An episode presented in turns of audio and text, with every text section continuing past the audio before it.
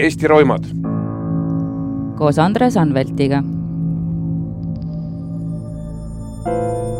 Eesti roimad on taskuhääling, kus Andres Anvelt ja Postimehe ajakirjanik Dagmar Lamp räägivad Eestit raputanud kuritegudest ja siin jõhkrutsenud roimaritest. oleme jätnud endale vabaduse kannatanute kaitseks teatud detaile muuta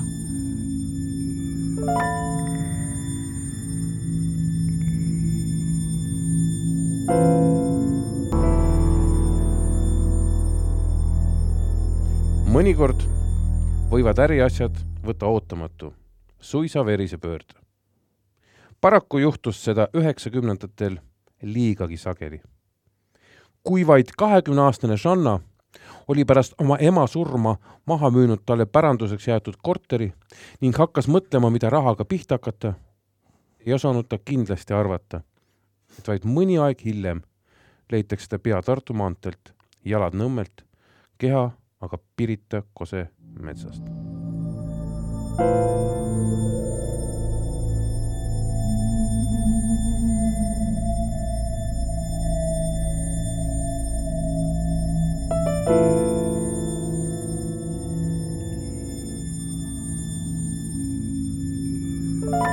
Tere, head kuulajad, kuulama järjekordset Eesti roimade podcasti taskuhäälingut. mina olen Postimehe ajakirjanik Dagmar Lamp, minuga on stuudios Andres Anvelt, kelle kohta tuleb taas tõdeda rõõmusõnumit, et sa pole mind jätkuvalt maha jätnud, see on iga kord nii tore.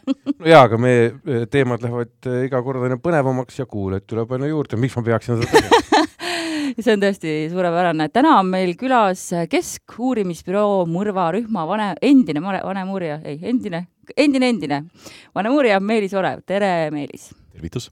ja nagu te juba sissejuhatuses kuulsite, siis tuleb meil täna jutuks üks väga verine mõrvajuhtum, aga aga sellest ei ole väga palju kirjutatud, kui ma, või sellest räägitud, kui ma seda tausta püüdsin teha, siis leidsin ainult paar artiklit, mis sellele viitavad nii et, äh, et räägime siis Aleksei Pušujevist.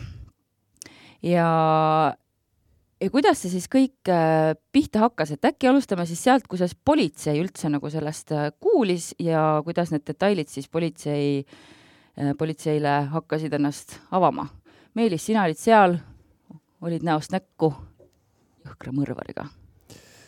politsei jaoks hakkas see asi peale üheksakümne seitsmenda aasta teise aprilli hommikul ja hakkas ta niimoodi peale, et tuli kõne kesklinnast, äh, siitsamast Stockmanni vastast ühe kortermaja, kortermaja korteris oli hommiku inimene akna peal kohvi joonud ja aknast välja vaadanud. Ja nägi sellist igapäevast pilti, tuli kodutu, läks prügikasti juurde, hakkas prügi sorteerima, järsku tõstis äh, välja prügikastist ühe koti, viskas selle maha ja pani jooksu. Ja kotist veeres välja tüdruku pea. äh, see oli ebatavaline isegi üheksakümnendate aastate Tallinna jaoks, et sellist asja iga päev ei juhtunud. Ja Valdas kodanik helistas siis politseisse. kohale tuli mõrvarühm äh,, eksperdid, ei olnud keeruline tuvastada, et tüdruk on surnud, tapetud ja äh, alustati kohe samal päeval siis kriminaalmenetlust, anti Keskuurimisbüroo mõrvarühmale uurida. ja kriminaalpolitsei poolt siis toetas seda Tallinna kriminaalpolitsei, kes viis läbi jälitustöö. ma vahepeal küsin äh, iseenesest, kui leitakse pea või mingi muu elutähtis organ, äh, mis näitab seda, et see inimese küljest ise ei saa ära tulla või ta ära ei saa visatud, siis nagu mina ka õieti mäletan, tegelikult sellistel juhtudel alati algatati krimmasju, sest tegelikult on ka olnud ju juhuseid, haigla juurest leitakse käsi, käsi, mis ja. on amputeeritud ja, ja, ja või siis mõne kõigepealt on jalg leitud, leitud., pärast välja, et oli haiglast sinna saadetud, ei olnud nõuetekohaselt põletatud, oli prügimine. mitte poliitiku oma aga ei, selles mõttes ma kujutan ette jah, et, et ikka vahel võib juhtuda, et mõni kehaosa jääb nii-öelda üle, et seal taga ei pruugi olla siis kohe ju mõrva. küll aga ma sain aru äh, selle loo jaoks tausta uurides, et oli siis, äh, ma ei tea, kas senimaani tõenäoliselt on olemas selline paragrahv nagu äh, laiba rüvetamise paragrahv? jaa, see oli päris lõpus jah, me, kui me nüüd nagu hüppaksime kogu teemast üle, siis esitasin ka sü-, lõplikus süüdistuses siis tapjale süüdistuse sellises paragrahvis nagu laiba rüvetamine, mida siis võib-olla päris lõpus võiks korra veel käsitleda, et aga, aga lähme teema juurde tagasi. et leiti pea, koheselt äh, algatati siis igasugused äh, jälitustoimingud, nagu ametlikus keeles öeldakse, aga tegelikult tehti samal päeval väga kiiresti kindlaks, kes kannatanu on.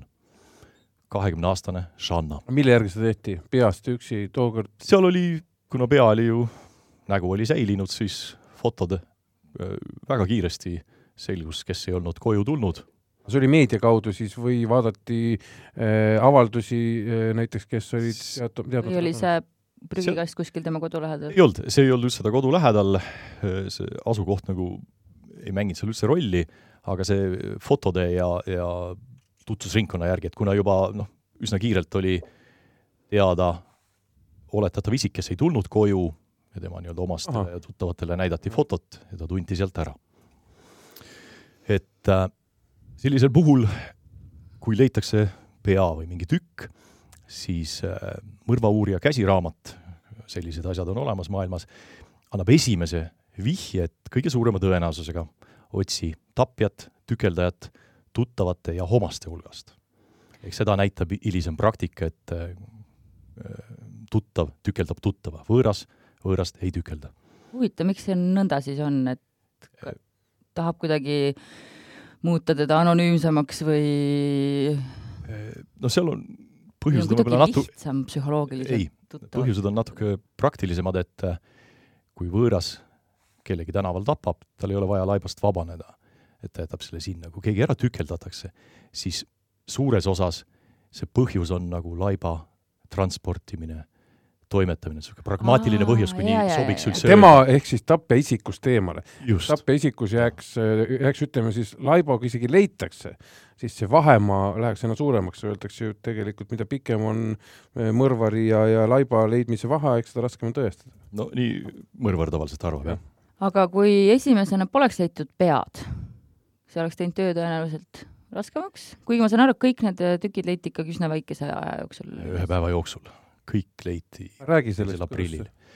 ja koheselt siis, kuna tüdruku isik oli kindlaks tehtud äh,, otsiti üles tüdruku sõpru, sõbrannasid, hakati seda tutvusringkonda, kuna langes kahtlus, et tapja on suure tõenäosusega, mitte absoluutselt, aga suure tõenäosusega tuttavate hulgast, hakati kohe seda tema tutvusringkonda uurima. see oli küllaltki suur, küllaltki kirju seal oli erinevaid poisse-tüdrukuid. Äh, ma mäletan veel, et esimeseks kahtlusaluseks äh, kohe väga kiiresti langes ühe sõbranna mees, kes oli varem karistatud mingite varguste, huligaansuste eest. hakkasime uurima siis tüdruku tutvusringkonda. Sealt tuli välja igasuguseid värvilisi ja vähem värvilisi kujusid. Ja silma jäi ka üks noormees, Aleksei nimeline, keda Žanna sõbrannad iseloomustasid kui sellist mittetöötavat kummalist vennikest, kes kogu aeg tiirles äh, kenade tüdrukute ümber, rääkis igasuguseid lugusid, äh, noh, pärast tuli välja, et need kõik praktiliselt olid sada protsenti vale, ta oli selline fantasöör, aga äärmiselt hea jutuga, seetõttu ta tüdrukute seltskonnas nagu nii-öelda sobis sinna mm,. ta rääkis, küll ta rääkis tüdrukutele, et ta isa on, ma mäletan väga täpselt, Hansapanga direktor, siis teisele tüdrukule, et isa äh, kasvatab kuskil Araabias kalleid hobuseid. issand jumal. põhiidee oli selles, et ta kuskil on temal väga palju raha, et isa temaga veel pole andnud. No selliseid põnevaid lookisi. neiud muudkui ostsid juua talle ja?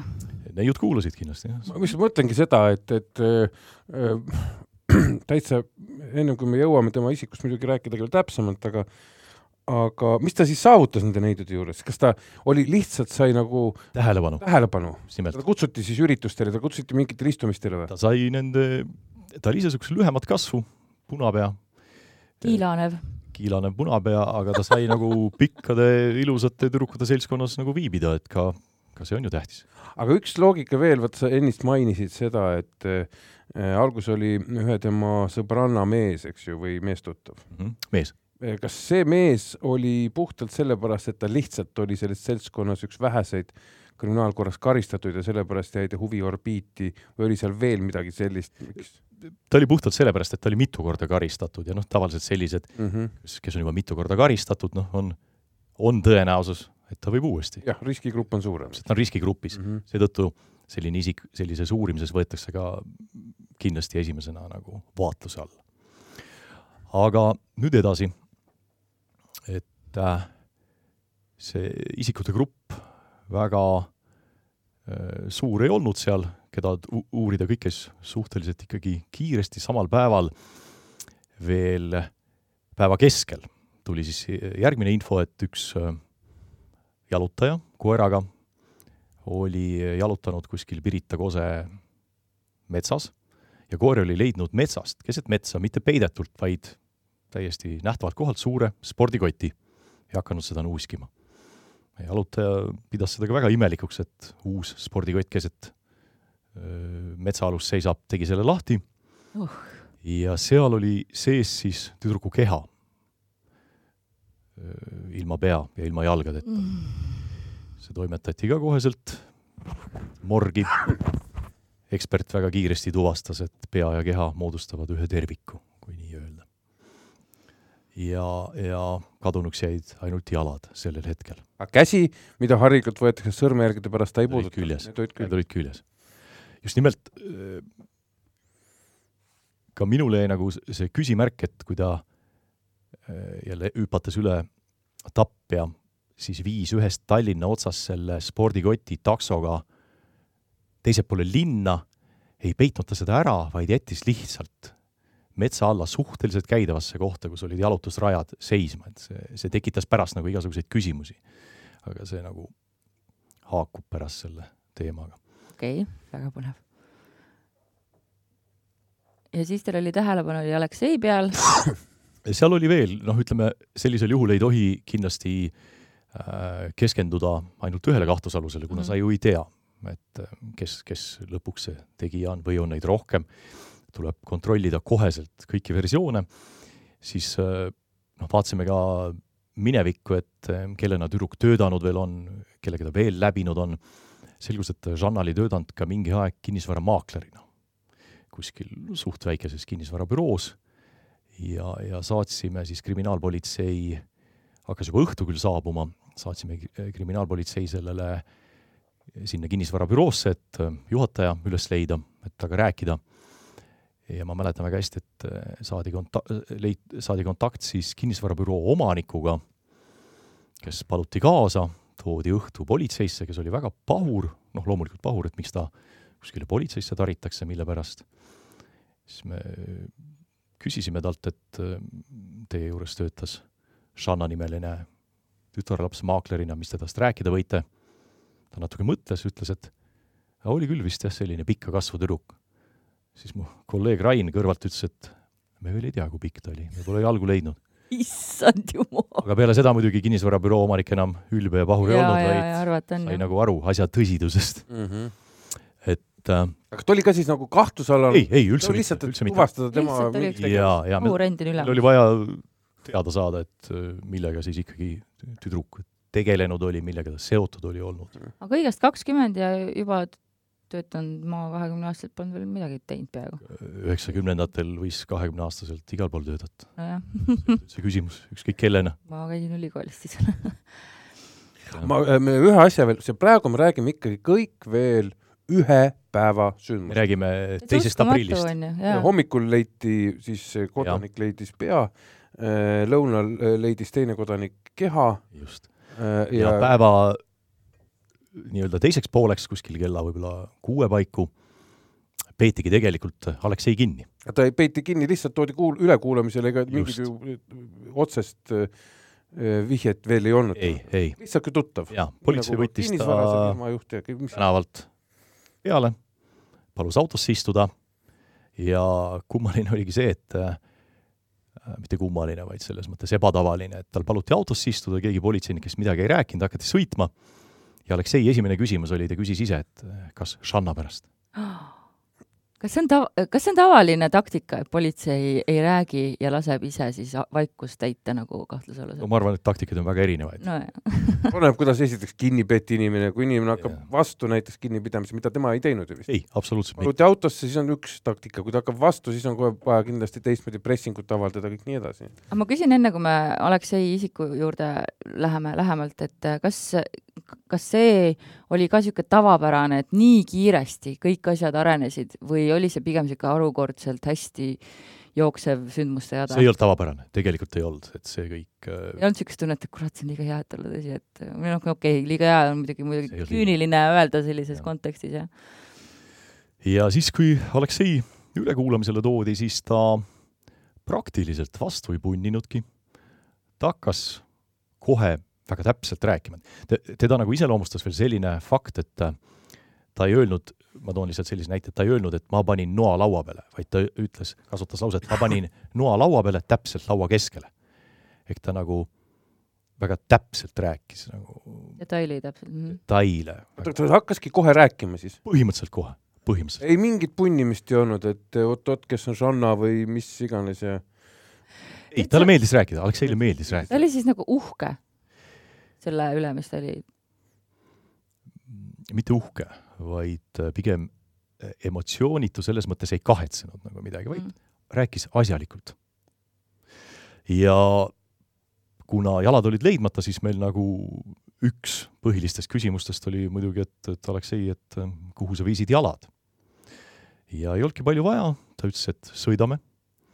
istusime autodesse, advokaat oli ka selleks ajaks talle võetud, sõitsime siis kogu uurimisgrupi advokaadi eksperdiga Aleksei ettenäitamisel Nõmmele, ta palus sõita Tihi, Tihniku tänavale, kus vanasti asus üks esimesi maksimarketeid, ja seal tänava ääres kasvasid noored männid, ka täiesti kasvav koht, kortermajad ümberringi, pood, ja ühe männi all näitas ta ette järjekordse spordikoti. siis, kui me spordikoti sealt siis peale fotografeerimist, jälgede võtmist välja tõstsime, lahti tegime siis seal olid tütarlapse jalad sees, valged sokid olid jalas veel. ma just tahtsin küsida, et kas äh, tütarlaps oli riides või kas tema kehaosadel oli mingi kate või oli ta aluspesus mm. selleks, siis olid kõik nii-öelda osad leitud, saadeti jälle ekspertiisi ja jätkus siis Aleksei põhjalik ülekuulamine nüüd juba motiivide osas äh,, miks ta seda tegi, kuidas ta seda tegi Äh, ja järgmisel siis kolmanda aprilli hommikul ülekuulamised jätkusid ja siis toimus ka koheselt äh, väljasõit Aleksei korterisse, kodu, kus ta elas emaga, Energia tänaval. korter oli ilusti koristatud, puhas esmapilgul, aga kuna Aleksei oli täpselt kirjeldanud, et äh, ta lasi tüdruku maha oma elutoas, kui too istus diivani peal tulistas talle selja tagant pähe, siis äh, ma lasin üles võtta nii-öelda see läbiotsimise käigus ja sündmuste ülevaatuse käigus lasin üles võtta elutoa põranda, et võtsime sealt üles plaadid, seal oli, all oli meeletult verd. Oh., meeletult, pealt tuli kõik ära see oli siis, mis plaat, see oli siis nagu see laminaat, laminaat või oli see mingi niisugune nagu, nagu Soome papiplaadid olid pandud põrandale maha aa, see oli siis mingi sihuke puitmajalaadne. see oli korterelamuga selline no. vanemat tüüpi. Energia tänaval on jah, need vanemad esimese põlvkonna igast paneelikad ja telliskivimajad. seal oli meeletult verd, võtsime proovid ja siis muidugi siirdusime sellisesse kohta nagu vannituba, kus siis vannis oli Aleksei tüdrukut tükeldanud. Alekseid veel iseloomustab see, et ta ka tükeldamist kirjul-, kirjeldas nagu äärmiselt üksikasjalikult, täpselt. ma mäletan seda, et eh, ta täpselt ülekuulamises ütles, et jala ära saagimine hammastega noaga võtab aega üksteist minutit. kaks jalga, kakskümmend kaks minutit. ma ei tea, kas ta vaatas kella, aga ta oli äärmiselt nagu täpne. Täiesti müstiline. kergelt ka perversne, ütleme niimoodi. ja hästi huvitav on ju ka see, et tal ei olnud ju varasemalt ainult mingi üks vargus vist oli, mille eest oli süüdi mõistetud, et see eskaleerumine oli ju täiesti noh, pöörane, et Mhm. kuidas nagu tal vägi, tal vägivaldset minevikku üldse ei, ta ei olnud üldse selline kuju, ta ei olnud absoluutselt mingi ema peksmine näiteks või mingit niisugust asja. ei, sellist, sellist nagu informatsiooni mingisugust ei olnud. ta oli fantasöör, elava fantaasiaga. kas ta äh, seda ka rääkis, kuidas ta sai kinnituse ikkagi, noh, pealasuga ju ei pruugi inimene alati kohe surnud olla, et et see äh, ohver Žanna oli kindlasti surnud, et elusalt ta tükeldama hakanud või ei, see oli surnud, tulistas selja tagant pähe. noh, aga noh, nüüd motiivist, et miks ta siis seda tegi, mille, miks selline jõhker kuritegu aset leidis. peale fantaasiate meeldis ka Alekseile raha, noh kellele ei meeldiks, mm, ei üheksakümnendatel ega täna ikka, ikka meeldib. ja äh, kuna Shanna oli ära müünud äh, oma päranduseks saadud korteri, oli tal raha. ja ta oli siis äh, Aleksei seltskonnas arutanud, et mida rahaga teha, et kuhu seda investeerida kasulikult.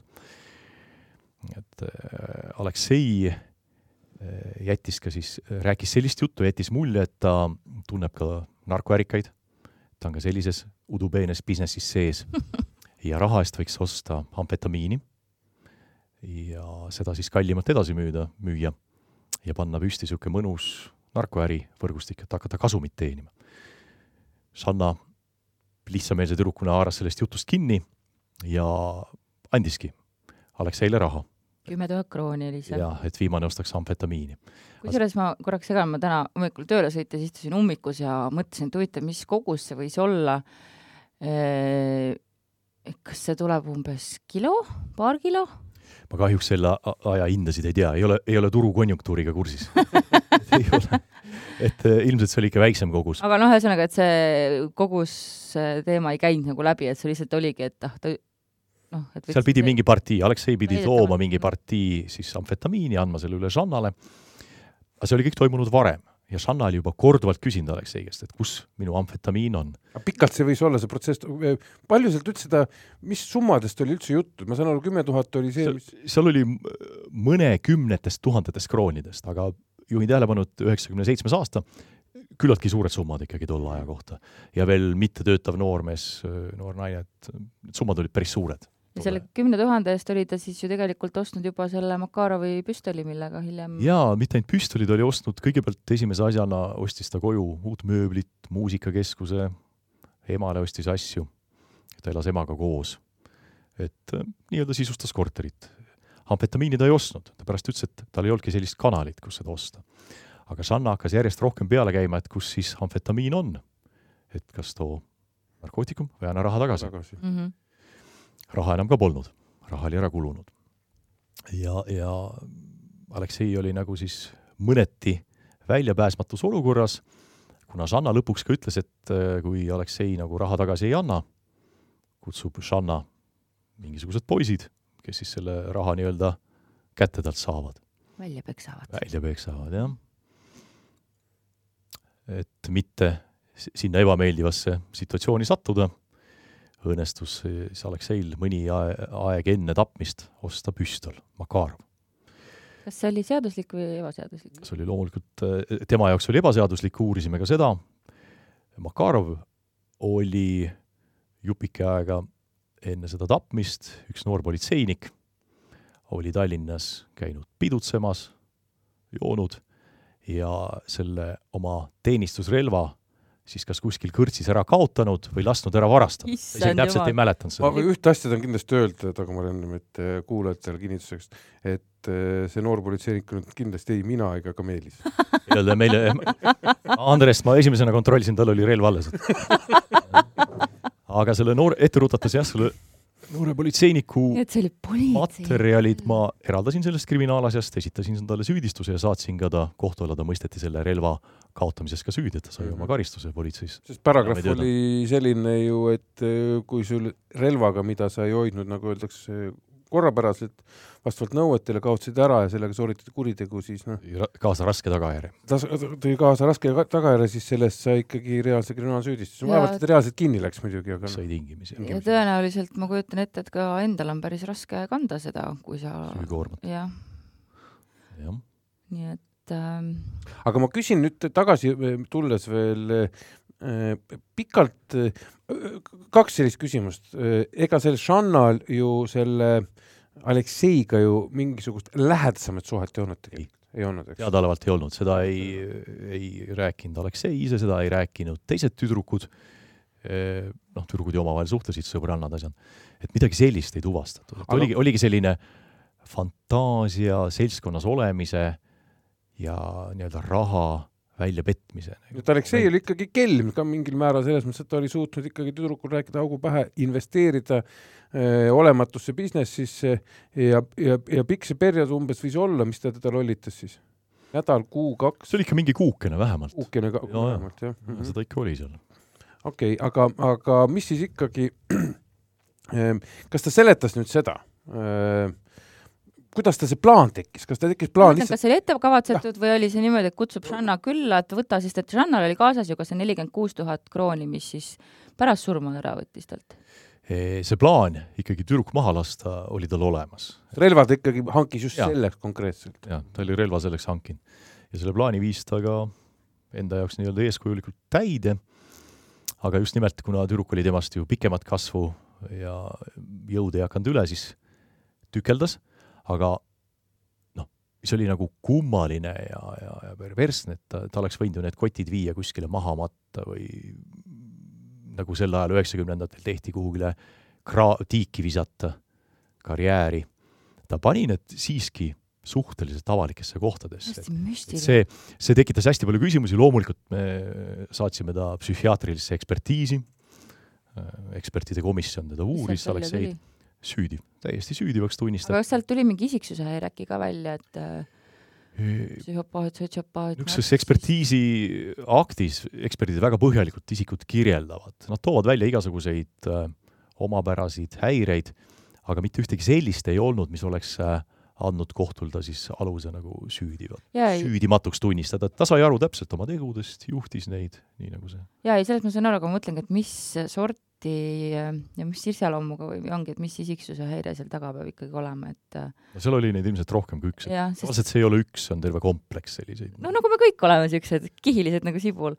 aga Žanna isa oli öelnud pärast kohut, et tema arvab, et tal oli, ehk siis Bušujevil oli alaväärsuskompleks ja, ja mis tal oli seal enesehinnangu probleemid et võis olla, jah. noh, Napoleoni kompleks, kui ta seal lühike oli, aga ikkagi hästi sihuke, noh, minu jaoks ka täiesti hoomamatu asi, kuidas sa noh, ikkagi jah, nii noh, täiesti nullist sajani, noh, läheb see üks mees siis selleks, et et jah, hämmastav oli see nagu, võiks siis öelda nagu rahulikkus ja külmaverelisus, millega Aleksei oli seda kõike teinud Eh, kuidas ta seda ka kirjeldas, ta kirjeldas seda väga rahulikult, üksikasjalikult, et ma ei näinud mitte mingisuguseid emotsioone. Et äh, kas ta ema oli kursis sellega, sest ma saan aru, ema käis ju seal korterist välja-sisse kogu aeg. jaa, jaa. raske on uskuda, et ta ei näinud. nii ja naa, tegelikult nii ja naa, et äh, ema tundus niisugune üsna selline lihtsameelne naine, ehk äh, kui Žanna tuli, siis äh, Aleksei andis emale natuke raha, ütles, et mine kohvikusse, saatis ema kodunt ära siis kui ta oli juba tüdruku maha lasknud ja teda seal lõikus, pakkis, tuli ema uuesti koju. Aleksei andis talle veel raha, ütles, et mine veel kohvikusse, et mul läheb kodus aega, sest noh, kodu oli vaja ka ära koristada. ja kuulasime ka ema üle, korduvalt loomulikult, et noh, siin on loomulikult see kriminaalõiguslik nüanss, et ema ei pea poja vastu ütlusi andma ega poeg ema vastu mitte mm. -hmm. aga no me ei, me ei tuvastanud kuskil ära, et ema oleks nii-öelda mingil määral sellest osa võtnud. Isegi korteri koristamisest, mitte millestki. ema lihtsalt tegi, mida hea pojaka ütles. ema oli lihtsameelne. uskus oma poega, silmad pärani, uskus poja jutte, kust ta raha on saanud, mingisugust jah, sest poes ta käis ka ju emaga koos, et äh, ka see nelikümmend kuus tuhat krooni hiljem löödi seal mööbli ja muusikakeskuste ja asjade peale aga, aga mis see ikkagi äh, et nii et emale süüdistust ei esitatud ja, ja kohtule ema ei läinud. kas peale äh, sellesama püstoli ettevalmistuse osa oli ka nende kottide ostmine, ma saan aru, spordikotid olid ka ikkagi ju mingisugused kolm spordikotti siis, jah? seal oli jah, vist noh, kaks, kus oli siis keha, jalad ja see pea vist küll seal Stockmanni vastas majahoovis oli vist mingis kilekotis. aga kusjuures ma praegu saan aru, et äh, kui lühike, noh, see kõik oli kohutavalt lühikese aja jooksul ja äh, Aleksei peeti kinni teise aprilli õhtul ja siis tal oli alles vaid kolmsada krooni. ehk siis ta oli selle nelikümmend kuus tuhat krooni jõudnud ühe päevaga laiaks lüüa, pooleteist päevaga kiire kulutaja. jaa, õige, seda ma ei maininud, sest tegelikult ju sündmus toimus, kui teine aprill läks lahti kas kolmkümmend üks märts õhtu või esimene aprill on? see oli, kui ma õieti mäletan, kolmekümne esimese kolmekümne esimesel märtsi, märtsil seal. et tal oli Lame. üks päev siis sisuliselt aega äh, seda raha laiaks lüüa. tegus noormees. Tõesti, väga tegus. tappis, tükeldas, koristas, käis shoppamas mm. -hmm aga räägi nüüd sellest koristamisest, et me teame, et üheksakümnendad on natukene teistmoodi ka äh, kriminalistilised kui tänapäeval, eks ju, tänapäeval me teame äh,, tullakse valgetes kostüümides maast jalatallani ja tehakse mitmekihiline selline sündmuskava vaatus. tookord oli kõik palju lihtsam, DNA-d, eks ju, tehti tookord. tehti. ma ise viisin seal vannitoas siis läbi vaatluse. Äh, vannituba oli ära pestud, kuid vaatamata sellele ma mäletan, et leidsime verd mingisugusest kolmeteistkümnest või, või viieteistkümnest kohast verepritsmeid, need siis kõik äh, värvitud seinalt lõigati noaga värvist välja, äh, vaibalt see, vaibalt lõigati kääridega tükid välja, pandi lihtsalt siis ümbriku, saadeti ekspertiisi ja mäletan ka seda, et ma leidsin kuskilt vanni vahelt niisuguse äh, väikese paari millimeetri suuruse lihatüki.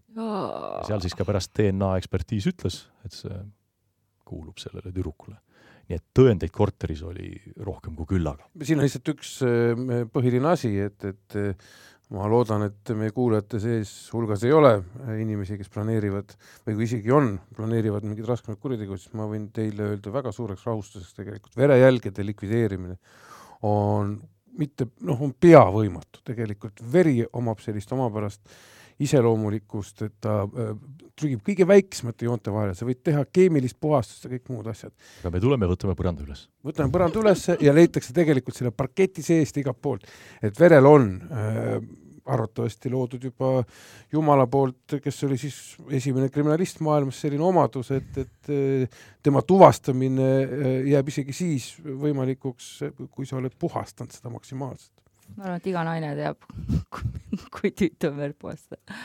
jah, seda ka. siis tekkis küsimus meil, et kuna Alekseil endal polnud autot, et kuidas ta need kotid siis mööda linna mm. laiali tassis, et ega ta ometi bussiga ei sõitnud, aga kuna tal oli raha Žannat saadud, siis ta bussiga ei sõitnud, sõitis taksoga. me leidsime näiteks üles tolle taksojuhi, kes viis Aleksei koos spordikotiga Nõmmele Tihniku tänavale. kuulasime taksojuhi üle, taksojuht ütles, et talle tundus kohe väga kahtlane selline Aha. asi et kuskil õhtul kahekümne aastane, umbes kahekümne aastane vene noormees suure spordikotiga sõidab kuhugile Nõmmele Tihniku tänavale, kus kogenud taksojuhi järgi elavad ainult Eesti pensionärid, et ta ütles, et talle tundus see väga kahtlane, aga ta... klient maksis, siis ta viis ta sinna ja, ja noh, that's it. kas ta tuli tagasi ka? ma just tahtsin küsida, kas sama taksoga tuli tagasi? loodetavasti ei, ei olnud ta nii rumal. vot ma seda nüanssi tõesti ei mäleta. Ilmselt mitte, selles mõttes see oleks olnud veel kahtlasem, et ta viib spordikoti ära, taksojuht oleks siis pidanud ikka politseisse helistama, et viib spordikotti kuhugi metsa vahele, tuleb tagasi no,. eks muidugi üheksakümnendatel taksojuhid nägid ka igasuguseid no, asju, aga, aga okay, kogenud okay, inimesena ta sai aru, et see oli see mitte tavaline, see oli anomaalne. just mm. -hmm kas ta jõudis, te, kas te sellist uurimiseksperimenti tegite, kui ma saan aru? Äh, sinu äh, kirjeldusest, eks ju, et tegu oli sellise väiksema poisiga, eks ju, ta oli lühemat kasvu ja kõik asjad, seda keha äh, mul on lihtsalt teisest ühest äh, kriminaalasjast omal ajal niisugune vaidlus oli advokaadiga, et, et kas ikkagi jõuab või ei jõua teatud punktist teatud punktini tassida nüüd eh, seda laipa või torsot või mis iganes on järgi jäänud. osade kaupa jõudis. osade kaupa jõudis, eks ju, ja see oligi vist arvatavasti üheks motiiviks, miks ta seda tükeldas, esiteks füüsiliselt laip väiksemaks teha, teine asi, et jõuda seda tassida, eks ja kui me siin mainisime kahekümnendat, see tegelikult oli siis kahekümne kolme aastane, et see fakt jäi meil enne ütlemata. noored inimesed, jah. noored inimesed. aga oluline asi, millest kindlasti peaks nüüd rääkima ja mis ma hakkasin ise mõtlema selle asjaga tutvumisel et ma ei mäleta palju tegelikult, äh, me nüüd jõuame natuke sündmust ette jälle selles mõttes, et äh, kuulajatele siis teadmiseks, et Bušujev mõisteti surma. ei, täpsustan. Surma teda ei mõistetud. esimese astme kohus määras talle eluaegse vanglakaristuse. jah, vabandust, sellepärast et selleks ajaks oli juba kriminaalkoodeks või karistusseaduseks vastu võetud. sellist asja nagu surmanuhtlus Eestis ei olnud, aga see oligi paar aastat ennem seda äh,, oli ta äh, siis äh, peatatud, surmanuhtluse elluviimine, siis tehti seadusandlik muudatus, tehti eluaegne. aga see oli minu viga praegu, aga eluaegne äh, esiteks, äh, mispärast omapärane äh,, ta vist sai kohe selle esimese astme kohtus, eks ju ja teine asi, äh, ma nüüd oma mälus olen sobranud, ega neid väga palju ei ole, kes oleks saanud eluaegse vanglakaristuse ühe tapmise eest. Neid on minu meelest ikka ma ei tea ühtegi rohkem Eestis. mina ka ei tea, võib-olla on, teen üle, teen kellelegi liiga sellest neljakümnest ühest inimesest, aga minu meelest, minu meelest rohkem ei ole. ja siin on ka tegelikult ju sul meelde tuletada natukene, miks see niimoodi oli, miks see kohtunik siis niimoodi mis see nüanss oli, mis? see eeluurimine, kuna kuna see kuriteo avastamine käis nagu üsna kiiresti, siis eeluurimine kestis ainult, äh, ainult kaks kuud, mis oli väga kiire. lühike aeg. näidis. Äh, ma esitasin lõpliku süüdistuse, koostasin süüdistuskokkuvõtte ja Aleksei oli kohtu all juba sama aasta suvel. kakskümmend kuus juuni mõisteti karistus. see on küll väga kiire, see on, see on fenomenaalselt, see on nagu kiirmenetlus peaaegu seal äh, oli ka veel selline uurimistoiming, mis on nagu Mõrva rühmsad alati kasutas, oli hästi oluline, nagu eh, ütluste seostamine olustikuga, me viisime selle läbi, kus siis äh, advokaadi juuresolekul süüdistatav, antud juhul Aleksei, algusest lõpuni näitas kogu selle toimingu ette oma korteris, kuidas ta tegi, kirjeldas, kuhu ta viis, see kõik võeti videosse, ehk noh, tõendeid oli piisavalt, lisaks kõik ekspertiisid, tunnistajate ütlused, kogu eeluurimise andis ta täpseid ütlusi. aga vahetult enne kohut, ilmselt siis kambris äh, andekate kaasistujate abil, mõtles ümber ja mõtles välja küllaltki rumala nii-öelda teise versiooni, mida ta siis kohtus esitama hakkas. ja minu enda arvamus on see, et, et kui ta oleks kahetsenud, jäänud oma ütluste juurde, mida kõik tõendid kinnitasid, võib-olla poleks eluaegset antud, võib-olla oleks ta rahulikult meie hulgas siin tagasi, võib-olla ka istuks siin, räägiks, miks ta seda tegi. aga ta kohtus hakkas rääkima hoopis teist juttu, hakkas rääkima mingitest tundmatutest meestest, äärmiselt rumalat juttu, mida nagu kohus sai kõik ümber lükata tõenditega. ei ilmutanud enam ju siis mingit kahetsust, kuna ta kohtus väitis, et ta pole tüdrukut tapnud. et ainult tükeldanud on, selle ta võttis ainult omaks. ja, ja, ja seetõttu ka minu arvamuse põhjal äh, kohus sellise otsuse tegi. et lihtsalt niisugune mõni, kohtu mõnitamine. pärast talle eluaegse. kuna ei paistnud kuskilt välja, et noormees nagu kahetseks, saaks aru. kas sa seda ei mäleta juhuslikult, äh, kas prokurör nõudis talle esialgset äh, kohe eluaegset või äh, ma ei mäleta seda. ei mäleta seda. asjast on möödas kakskümmend kaks aastat. asjast on möödas kakskümmend kaks aastat, mis tähendab seda, et äh, Bušujevil on jäänud võimal-, kaheksa aasta pärast tekib tal esimene võimalus äh, äh, paluda ennetähtaegselt vabaneda eluaegsest ja kui ma ei eksi, siis ta vahepeal on ka kahe tuhandete aasta alguses proovis ka vist palus presidendilt armu, jah, Ilveselt. Ilveselt ja, ja see siis ka lükati tagasi. aga kui seda Bušujevit veel natuke nüüd meelde tuletada, äh, kas kogu selle, mina olen oma elus näinud igas, igasuguseid mõrvareid ja igasuguseid tegelasi, see on täitsa normaalne iseenesest, et et just äh, vanglas, isegi mitte niivõrd arestimajas, aga vanglas, kui inimene ootab kohut, siis talle räägitakse, eriti kui ta on esialgne mineja, siis talle räägitakse, pakutakse selliseid versioone, millega ta võiks minna äh, pärast ennast õigustama. see on ju ikka läbiv teema olnud siin on ju, et kõik muudavad pärast ütlusi. aga jah, see on, kuna kambris istub ju andekas rahvas istub seal mm, -hmm. et äh, aga ja. nad unustavad ära, et ka saalis advokaadid, prokurörid, kohtunikud istub andekas rahvas. seda küll, jah. seal on kuskil ka tõendid. seal on kuskil ka tõendid, jah. süüdi mõistetakse tõendite, mitte kambris antud nõuannete alusel. täpselt niimoodi. või õigeks. ja täpselt, no vahest on muidugi see, et eh, kui on mõnda isegi kurikaelase aidanud, on see, kui tegelikult peale ütlust eriti mingit tõendit ei ole ja ka need tema ütlused on fikseeritud näiteks kehvasti, ei ole tehtud sedasama äh, väga punktuaalset üksikasjalikku seda äh, sündmuste seostamist olustikuga, aga äh, mis on ka veel, ma küsin sult, noh, sina nüüd nägid teda, käisid kindlasti tema juures ka veel vanglas võib-olla mingeid täiendavaid oo oh jaa, muidugi, ülekuulamised ülekuulamisi. vanglas peale eelu, eeluurimise lõppu tutvustatakse toimikuga, isikut istub, loeb kunagi, kunagigi selle aja jooksul, noh, ma ütlen veelkord, olles näinud mõrvarit, ei poetanud mingisugust meelehärmi, pisarat, kahetsust, ütlemaks seda, et ikkagi oleks võinud teistmoodi. Läksin veits liiale ta oli niisugune suhteliselt äh, rahulik ja ükskõikne siis oma teo suhtes? emotsioonitu, et ei pisaraid, ei, vanglas ei nuteta tavaliselt, et see ei sobi. no ka nutatakse vahest, ma olen ikka näinud ka neid, kes nutavad, aga ma lihtsalt mõtlengi seda, et ta läkski esiteks selles staadiumis, kui ta tunnistas oma süüd, oli ta suhteliselt emotsioonitu ja pärast siis, kui hakkas ajama seda äh, rohelistest mehikestest, rohelistest mehikestest, siis kohtus. kohtus, siis ta oli täpselt samuti emotsioonitu ja, ja ka ema oli olnud emotsioonitu, lugesime ühest artiklist välja, kui otsus, eluaegse otsus ette loeti. nii et kõik olid seal niisugused emotsioonitud. nojah.